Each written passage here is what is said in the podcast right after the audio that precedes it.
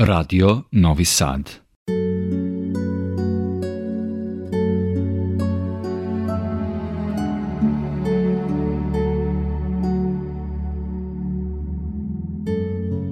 Dobroveče, poštovani slušalci. Vi pratite program Radio Novog Sada i još jedno izdanje emisije Vox Humana.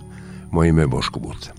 Kao što ste vi to navikli, a mi ustalili, potrudili smo se da naša emisija ljudi, stvari, fenomene, običaje, sagledava iz donekle izbeštene vizure, često posežemo za dekonstrukcijom stereotipa, ne bili u našoj želji da stvari i tematiku o kojoj pričamo približili i lakše poimali iz donekle izmeštenog ugla posmatranja. Sa neskrenom radošću ja vam najavljujem vašu i moju večerašnju gošću, a i moju prijateljicu, novinarku Gordanu Nonin. Goca, dobroveče, dobrodošla u program Radio Novog Sada. Dobroveče. Dobrodošla u svoju kuću, tako bi trebalo da kažem. Dobroveče.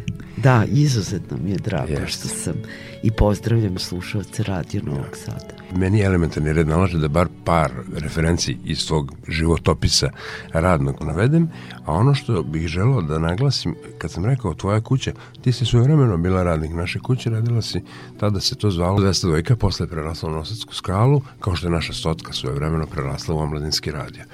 Ono što sam htio da kažem, ti si pre svega diplomirani menadžer u medijima, ali je tvoja prva i osnovna ljubav, ja bih rekao, i subspecijalnost ostala književnost. Tu si nekako možda najveće domete u životu dostigla. O čemu se odluči i ne mali opusti, možda dve knjige. Je zapravo. Da, ali je Tekstova. osnovna profesija I novinar. osnovna profesija novinar, tako je. Urednik, Tako je. ali uvek kulture, Kulture. Sa specijalizovana za književnost. E, tako je. Saradnik si za unapređenje delatnosti ustanova kulture u Kulturnom centru Vojvodine, Miloš Crnjanski, takođe novinar urednik lista danas i da li si i dalje lista danas? Ne, ali to je nisi? zaista od pre nekoliko Da, to je- dana. to je nova vest, Nakon da, da, 16 da, godina. nakon 16 godina nisi da, više. I dalje radim honorarno za novi magazin, to je nedeljnik iz Beograda, ali regionalnog karaktera i ponekad neki intervju za vreme, Tako je, nedeljnik vreme. Tako je, tako je. Mi smo tu negde slično godište. Profesionalnu karijeru započela si kao organizacijni sekretar u književnoj omladini Novog Sada. Jako se dobro sećamo književne omladine tada i njenih uspeha. Tamo si provela nekih tri godine. Čini mi se, od 89. radila si kao novinar u redakciji programa 202, to smo rekli, radi Novog Sada, a zatim od 92. u nezavisnom društvu novinara Vojvodine, najpre kao novinar kulture, a potom i dugogodišnji urednik kulturne rubrike. Osnivač si idejni tvorac i predsjednik društva građana Horizonti, i to nije malo i neznačajno reći, od 93. godine. Zašto 93. Bitno je. Pored osnovne delatnosti zalaganja za mir na uspostavljanju prekinutih kulturnih veza na teritoriji bivše Jugoslavije, kao jedna od delatnosti društva, objavljena su i dva broja časopisa za komunikaciju Kultura Horizonti, u kojima se osnivač i glavni odgovorni urednik. Takođe, novinar nezavisnog nedeljnika Bulevar do 2002. u kom se pratila kulturnu scenu Vojvodine. Sve o svemu, kao što vidimo, uvek u oblasti kulture i u redakciji kulture, gde si se artikulisali na određen način koji sam samo dotakao, to su dve knjige koje su iza tebe, za sada dve, Ljudi od reči, to je zapravo izbor iz više stotine intervjua koje su radila širom zemlje, regiona, sveta, možemo komotno reći, i još jedna knjiga koja se zove Bez prašine, koja je novijeg izdanja, mislim dnevnik da je, da je Da, ovaj da, da. izdavač.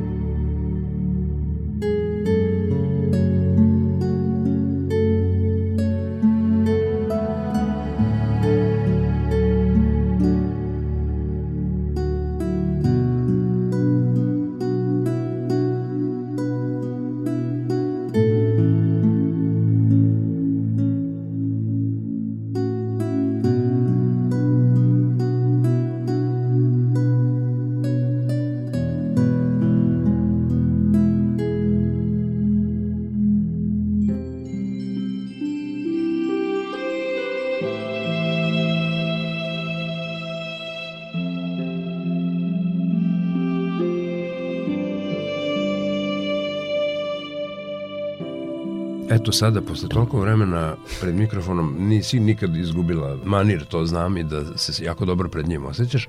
Teo bih da te pitam, ti si slobodni novinar. U, da, u novinarstvu, u novinarstvu da. da, da. Kakva je situacija generalno, kako bi ti sagledala sada kao nekog sa tolikim iskustvom situaciju u našoj žurnalistici, pritom ne mislim na istraživačko, informativno-političko ili isključivo neko novo novinarstvo. Kakva je generalna situacija u praćenju kulture? Jer mi kulture imamo, ali eto nekako onaj 1% meni jako bode oči kad vidim u budžetu da je izdvojeno za kulturu, eto nekako, kako gledaš na te stvari?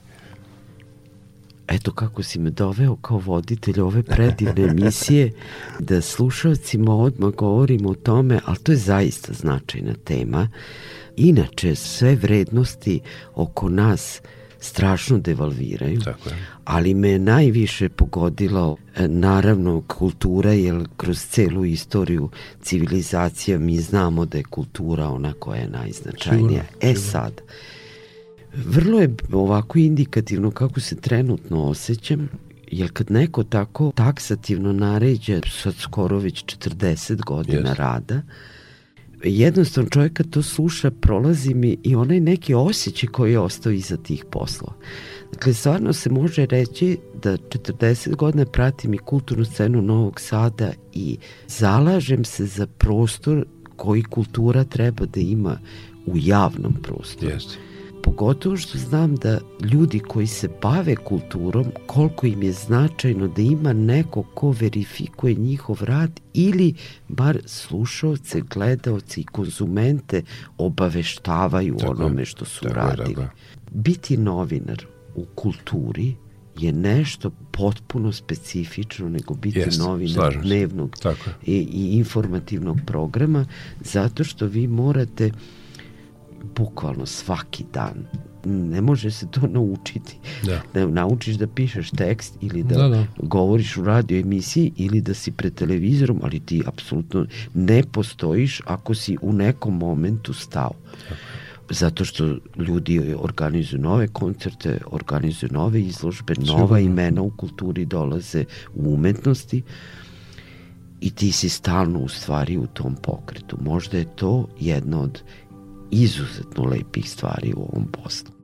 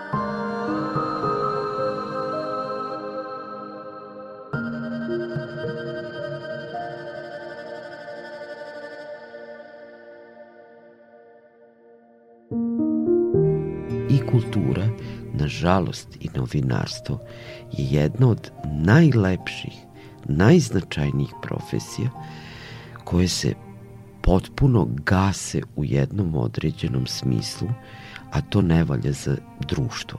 Nijedno, ni na zapadu, ni na istoku, ni ovde.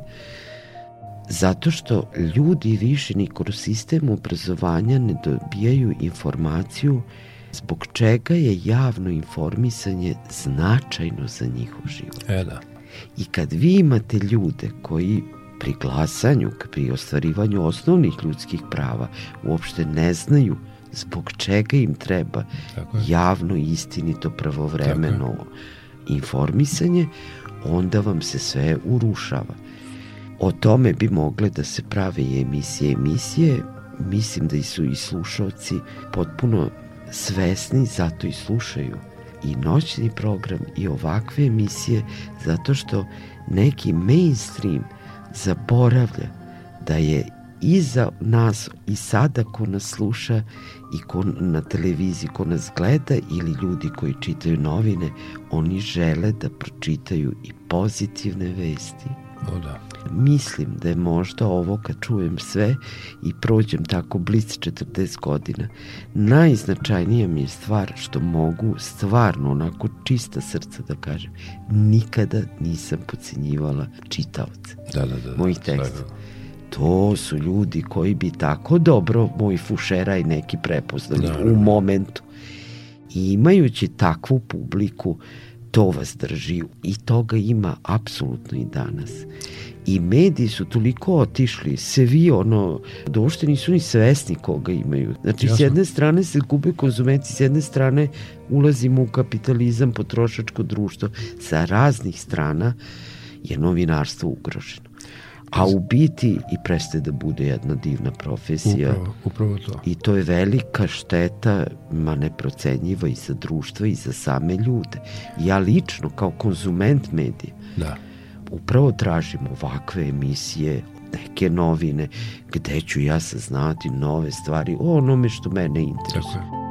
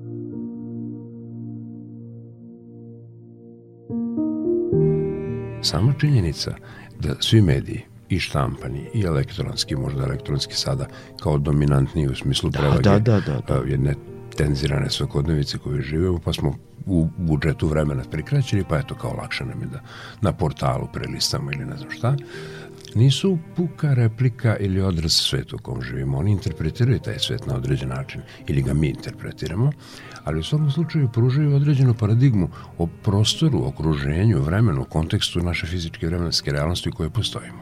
I ne mogu van toga postojati. Mi ne možemo pisati kao pre tri veka, niti možemo ići u neku budućnost. Možemo, pa je onda to science fiction roman, ali nije novinarstvo oni nužno imaju uvek svoju obrazovnu crtu i kad nisu obrazovni. Mi imamo nešto što se zove obrazovni program, recimo radio ima obrazovni program. Ja, svaka emisija da, obrazovna. Da, ali svaki sadržaj je zapravo obrazovni jer utiče na formiranje svesti pojedinaca i društvenih grupa.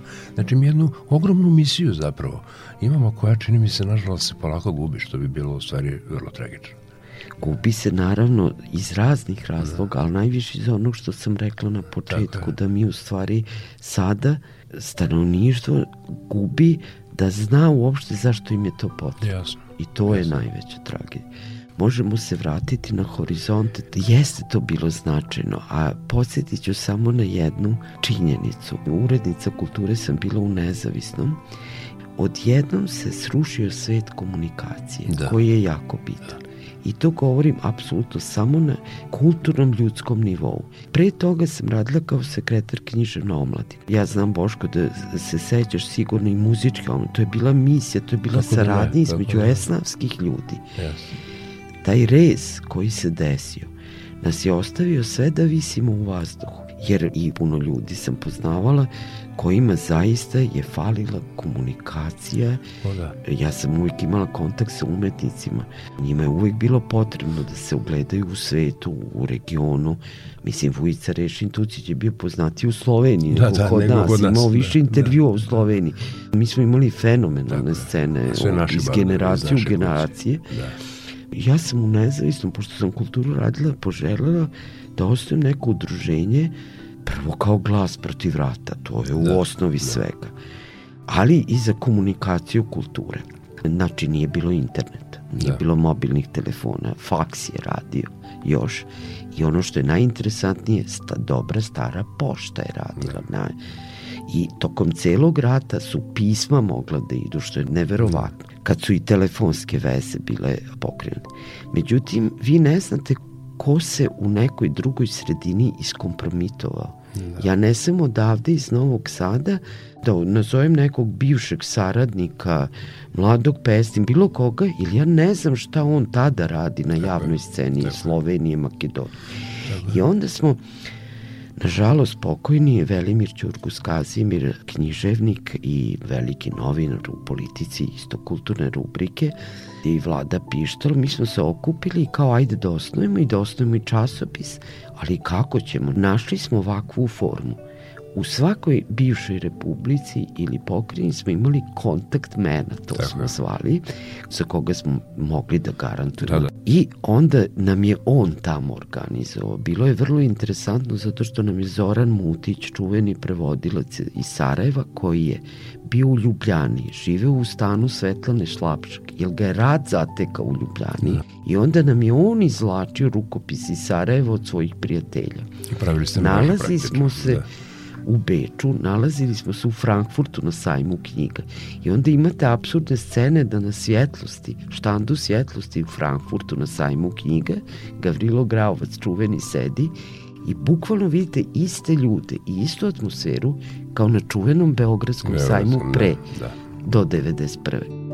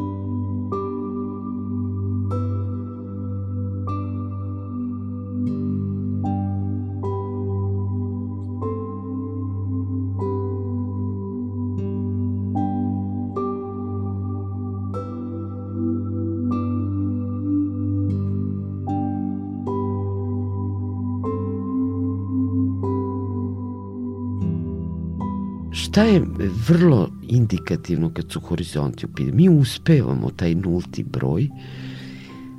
Prvo želim novosađenima da naglasim da su svi želeli da sarađuju. Zato što je centrala horizonata bila u Novom Sadu. Tako je.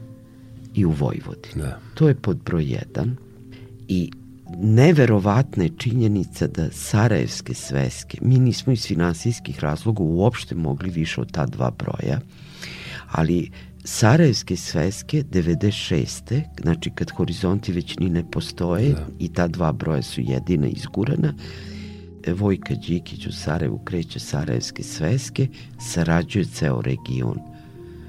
Tu, od Miljenka Jergovića do Lidije Dimkovske do Liljane iz Makedonije, znači fenomenalna ekipa tih ljudi koji žele komunikaciju kultura i tvrde da u kulturi mora postoji bez... Absolutno. I kreću Sarajevske sveske koje su opstale 10, 15, 20 godina i od 96. S ponosom se sećam toga da je u Novom Sadu ista taj koncept saradnje celog regiona postojao. Naravno da su tu sarađivali od Bogdana Bogdanovića, Voje Despotova, Mirka Sebića, Sreten Ugričić iz Prištine, on je tada bio u Prištini, Mi smo imali saradnike iz svih republika, a kao glavna urednica tog časopisa sam najviše ponosna na jednu činjenicu, a to je kristalne rešetke Mirka Kovača, jednog od najvećih srpskih pisaca, su objavljene 95. godine u Sarajevu. On da. tada već živi u Rovinju i on je nama za Horizonte 93. četvrte godine poslao deo iz kristalnih rešetki da se objave u Horizontima. Da, da, da. Znači, mi smo prvi objavili deo iz tog romana i Mirko Kovač, osim Feral Tribuna i ostalog, u Srbiji prvi put sarađivao sa nama pre B92 i svih i sa velikim ponosom, a to je zato što kad je on napadan od strane beogradskih tada medija, da, da li ima čovjek pravo da piše na hrvatskom. Mi jedini u nezavisnom smo sproveli novinarsku anketu među nekim intelektualcima da li pisac ima pravo da bira jezik na kojem će govoriti. I onda on zbog toga ja njega nikad nisam upoznala, on je nama poslao. To su neke stvari koji vam obeleže karijeru. Sve vrsta avangarda ste bili, moram priznati. Pa da, ali kad se čovjek okrene i vidi da se zalagao uvek, ali ima tu puno grešaka, mislim, za one najosnovnije ljudske potrebe, jer u deklaraciji Ujedinjenih da. nacija da. o ljudskim pravima prvo vam stoji ovako, da može, to je stajalo mislim i u uvodniku koji sam pisala tada, da čovek ima pravo da organizuje način na koji će biti informisan i mimo sistema države. E, da. Znači čovjek ima osnovno pravo da bude informisan. Tako je. Imali smo otvoren poštanski fah u Segedinu. Da, da jer tamo su mogli od svuda da nam stignu poštanski fak teksto. I on smo da, jednom da. mesečno išli da pokupimo u fahu šta ima od književnih da, da. priloga. Znači, grupa Škart je naravno radila naš dizajn, mislim, a sad je Škart jedna od najpoznatijih dizajnirskih i to je stvarno bilo onako pionirski ali i na ponos stvarno i jako, na ovom jako sadu. značajno, jako značajno. Posebno s obzirom na istorijski trenutak, okruženje i vreme i kontekst vremena u postojanju.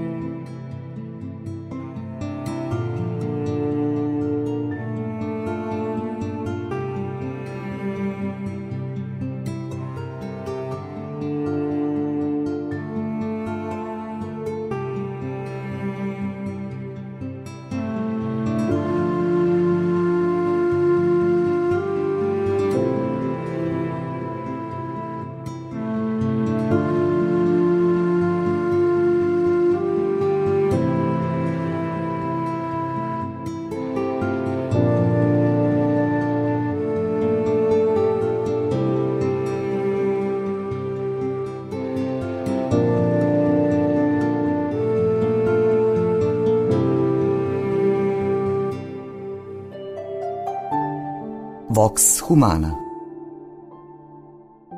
A ovaj impozantni broj intervjua koji tebi gradi jedan nesvakidašnji kredibilitet je zapravo ipak tvoj afinitet, pre svega neke tvoje stvaralačke apore, da se baš tako artikulišeš kroz intervjue, da razgovaraš sa ljudima, značajnim ljudima, ja ne znam koga si tu sve pobrala, ti ćeš znati da nam kažeš neko od najreferentnijih imena, ali zaista način čima možeš se ponosiš. To je plod višegodišnjeg rada, to nije za tri dana. Ali on je došao spontano dakle, da, ovako, da, da. bavim se kulturom, pratim otvaranje izložba, koncerte i sve. Ali u to vreme, to su moje godine, znači imam oko 30 godina, stalno sam tragala zato što je bilo zaista beznađe oko nas. Da. Tragala sam za ljudima, naravno koji su pametniji od mene.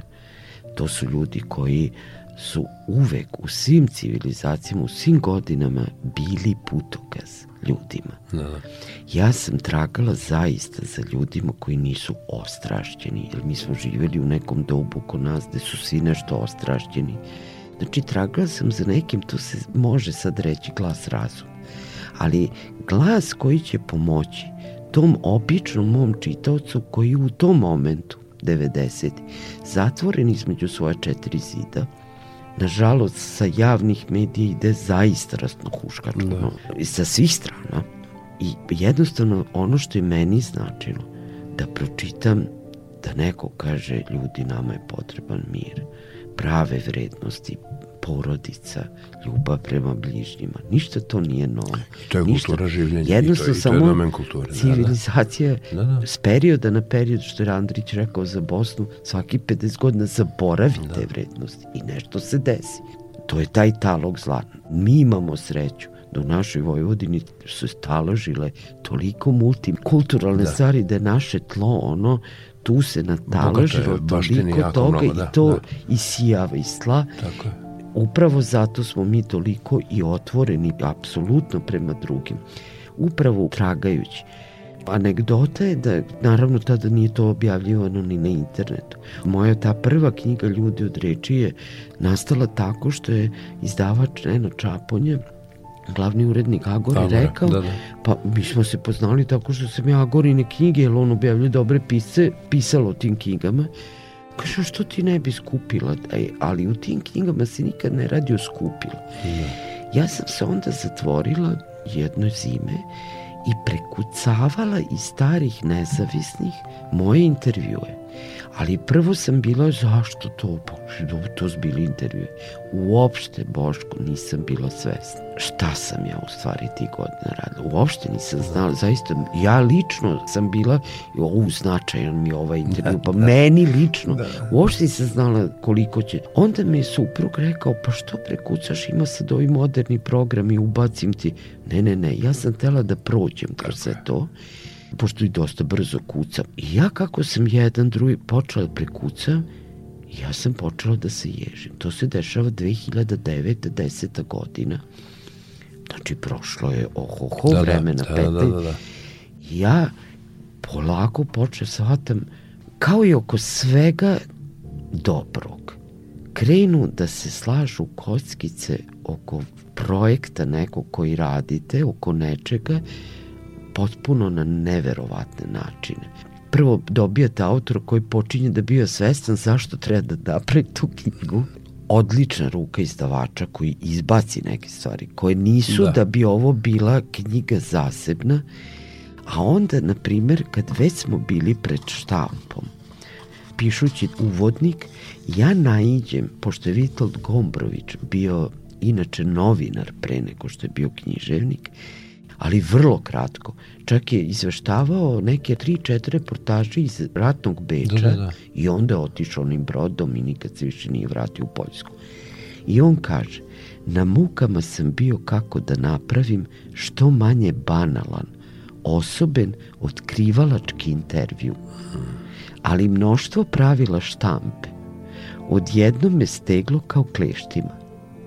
Daleko sam, pomislio sam u lakom uzbuđenju od istinske, autentičnih i važnih intervjua kakvi će nastajati u budućim vekovima.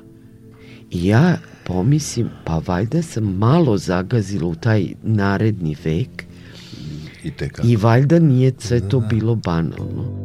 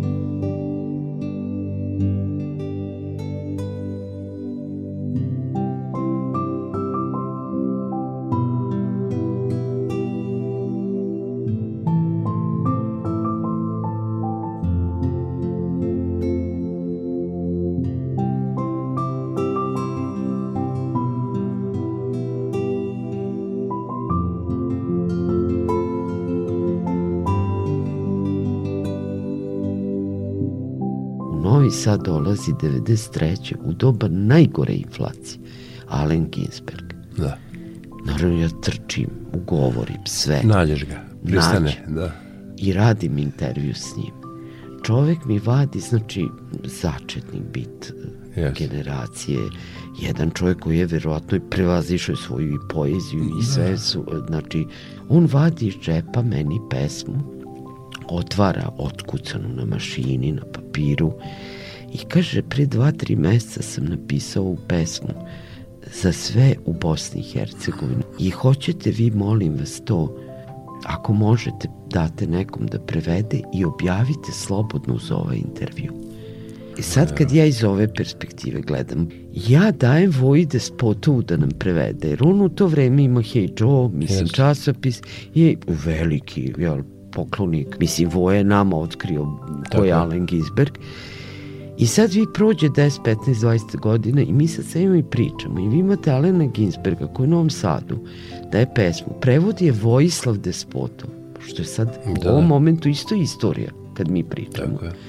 I mi objavljujemo prvi sa ovih prostora nešto posvećeno nekom građaninu koji je opkoljen. Mislim, to su neverovatne stvari. Kad sam ja sve to tako skupila u knjigu, to nije jedina ovako anegdota, onda sam bila svesna I samo sam rekla Nenadu, ne znam kako si znao, ali zaista je neverovatno kad jedna kultura u stvari može da ima takve stvari. O da.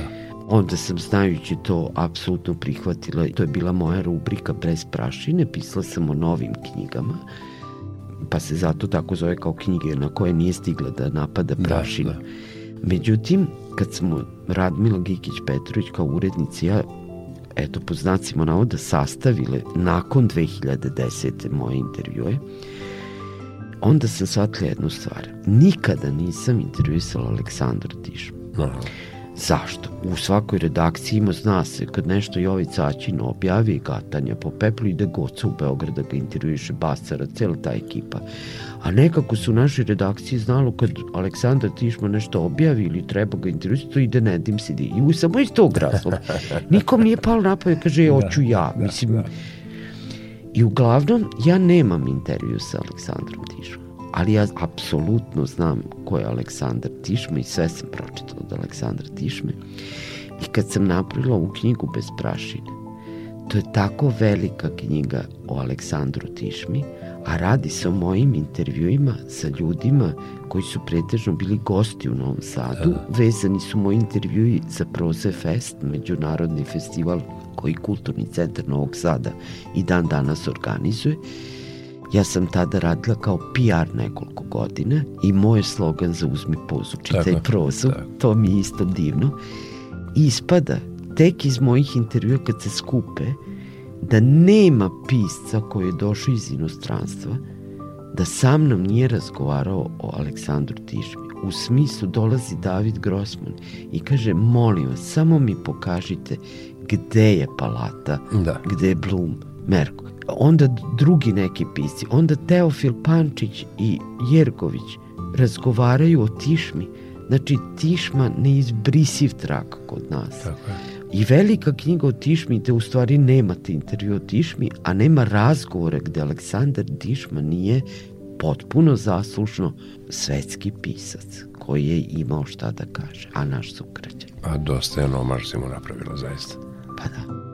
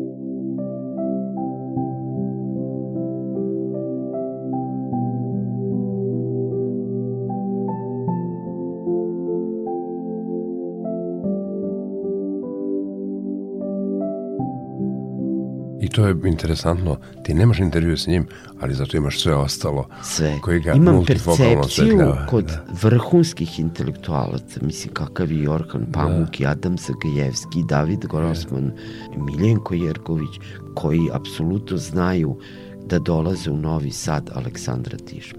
To je njihov Novi Sjajno. Sad. Naravno, tu su i Slobodan Tišma i Voja O, Despota, da. koga uvek spominju, ali kako vam kažem, to kakvog smo mi velikog pisca imali, imamo, to je za sva Tako je, tako vremena. je. E, Plašim se samo onog zaborava koji se kezi da slučajno, ali neće, eto, zbog tebe i tebi sličnih koji vode računa o tome da moramo da čuvamo sponu sa korenima i sa istorijom. Meni je žao, sa ovim sam imao čas da radim u dramskom programu Radio Novog Sada. Pa Neizbrisiv trag je ostavio. Neizbrisiv trag. Čak i sa uspostavljanjem nekih novih programskih celina, Cenu 13, recimo je osnova koja je bila tada ne alternativa, nego onako Da, potpuni šizm. i Vujica da, i Vujica, i Vujica, da. S, s kim smo, stvari, ka, s kakvim gromadama smo imali sreću da radimo. da. Ali Boško i s Vujicom se meni desilo, on je dolazi u nezavisni, tako svraćao i po Da. novine i da popričamo. Ivo Mihalik je nekad petkom su dolazili da tad izlazio.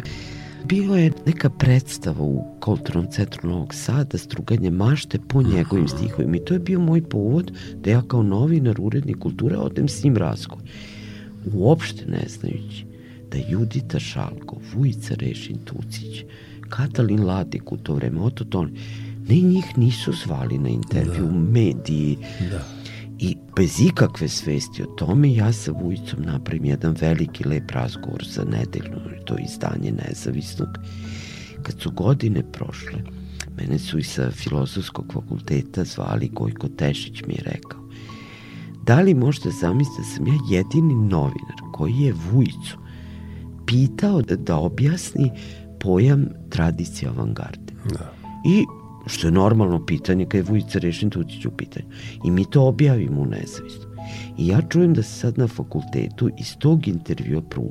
To je jedino mesto gde on objasnio svoju Jasno, jasno, da, da. potpunu filozofiju. Tako. Ja nisam mogla da verujem. Nebojša Novi Milenković je radio izložbu, ja dolazim citati iz intervjua na izložbi izvučeni velikim slovima. Kaže, pa to je jedini izvor ovde kod nas. Da. Da li je to moguće? Mislim, ali nismo tada imali ni interesovanje, e to se vraćamo na početak.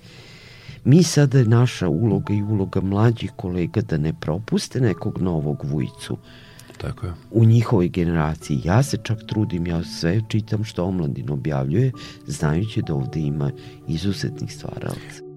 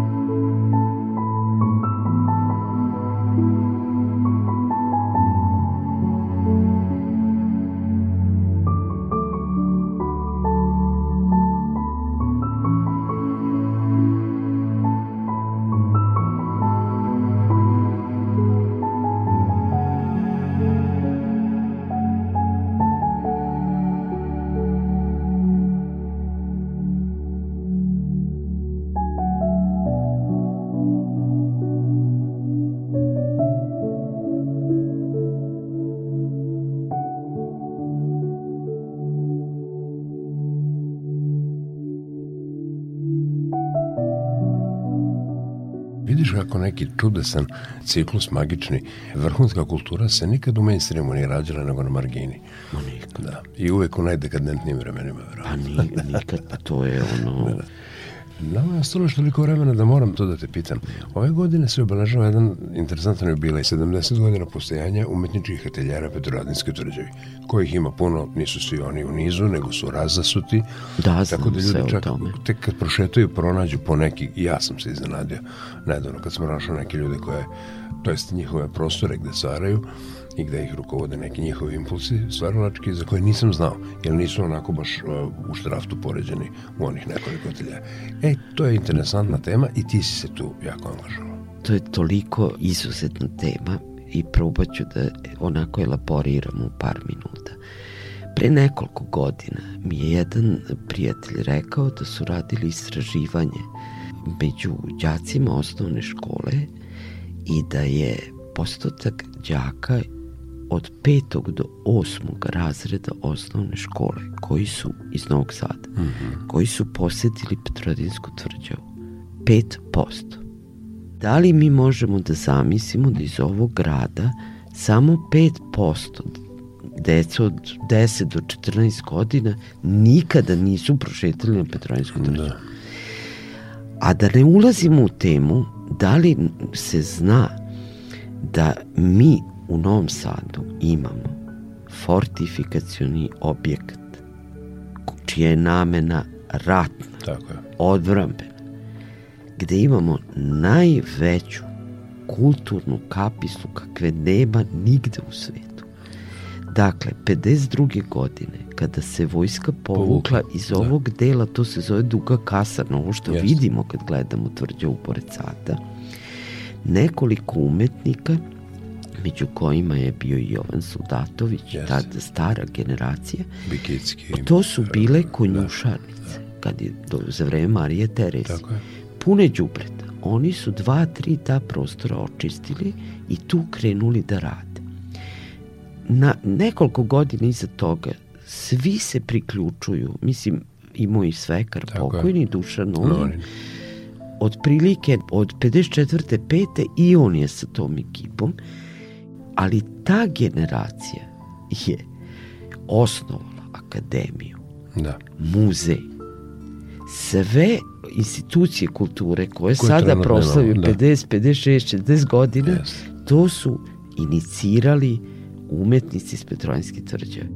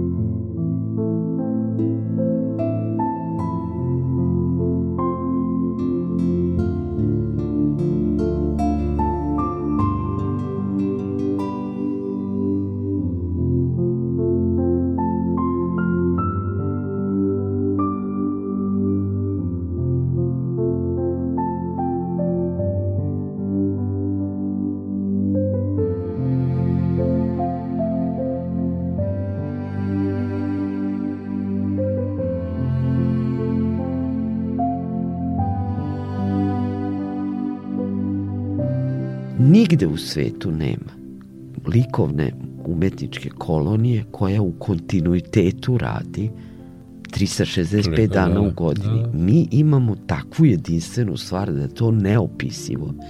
I mi ove godine obeležamo 70 godina postojanja umetničkih ateljeja, to se to desilo 52. Zasluženo potpuno, da, da. Ovaj grad je kroz razne faze prošao 71. videći koliko umetnici rade jedan diplomatski, turistički posao, zato što na tvrđavu dolazi su svi turisti i svi predstavnici, Tako. a ateljeji su otvoreni. Tako je i to mogu da potvrdim svaki put kad neko uđe dobrodošao je, dobrodošao, da. pogledaju da. slike, izađu da. uh, prvi kontakt sa Novim Sadom bukvalno imaju, mi im kažemo idite ovamo, imate muzej Vojvodini sve izuzetna vrednost prvo u toj stvari da jedan takav objekat služi kreaciji 71. toliko su imali sluha da je zvanično dato da tih 25 ateljeja u Dugoj kasarni imaju ugovor i plus su obnovili, renovirali neke da. prostore kod akademije, yes. ti znaš, Hornwerk, yes. yes. i oni su dali ključeve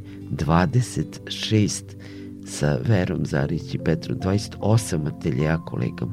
Danas 88 prostora na Petroadinskoj tvrđavi A jedan još podatak da je sigurno više od 500 umetnika stvaralo tokom ovih 70 godina, ili nije samo jedan umetnik u jednom ateljevu, da je toliko prošlo. Znači, zlatno vreme Mike Antića, Bikickog, da. Žike Miškova, ali vi imate sada već četvrtu generaciju.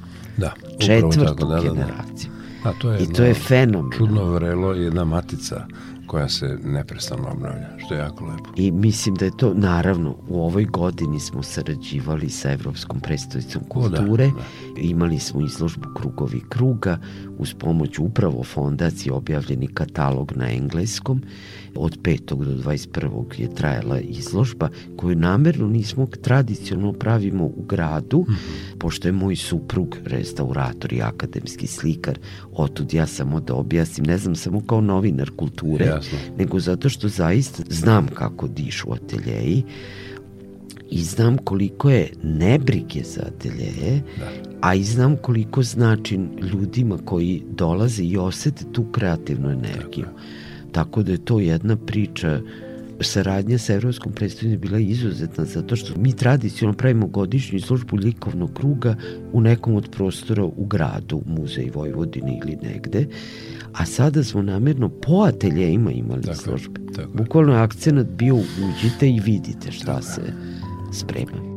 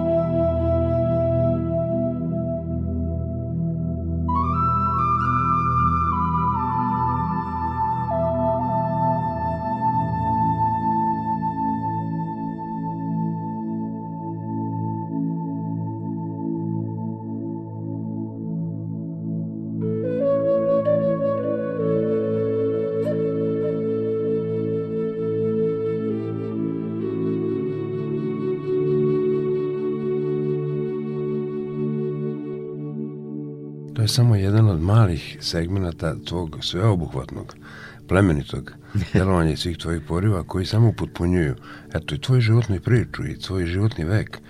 Pričali smo i o tome šta si pisala i o čemu pišeš. Tebi se smeši negde penzija za koju godinu, ali da, imam da. blagi utisak da će to osim samo onog nekog ležernog uživanja u unučadima i tako dalje biti jedna samo pregorna borba i opet novo pisanje i novi opusi. Jedva čekam zapravo.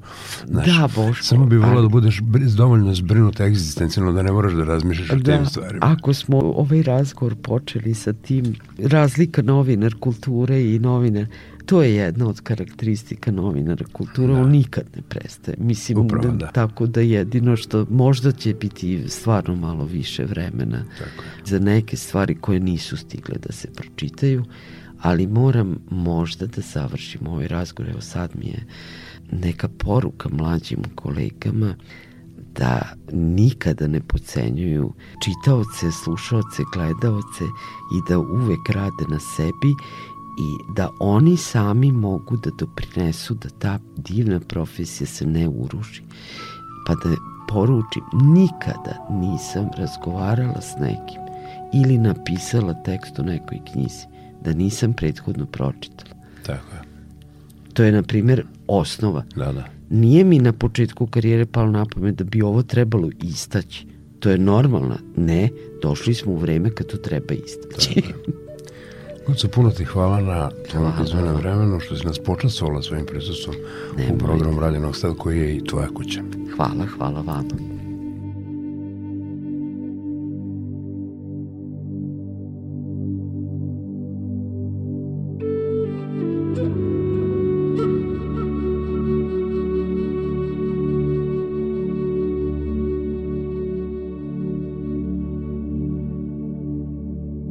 Poštovani slušalci, bilo je ovo još jedno izdanje emisije Vox Humana. Sa nama je u posljednjih sat vremena bila diplomirani menadžer u medijima, novinarka, spisateljica, kulturni radnik Gordana Nonin. U našem razgovoru, osim konstruktivnih saveta, dolazećim naraštajima o zanatskom delu posla i svem onome što on podrazumeva, Dotikli smo se i nekih ličnih utisaka, anegdota i događaja iz bogatog pisanog opusa naše gošće. Takođe i kulture u svetu i statusu ljudi koji se kroz nju svakodnevno artikulišu. Do našeg sledećeg termina za tačno sedam dana najsrdačnije vas pozdravljaju Marica Jung, Damjan Šaš i vaš domaćin Boško Buta.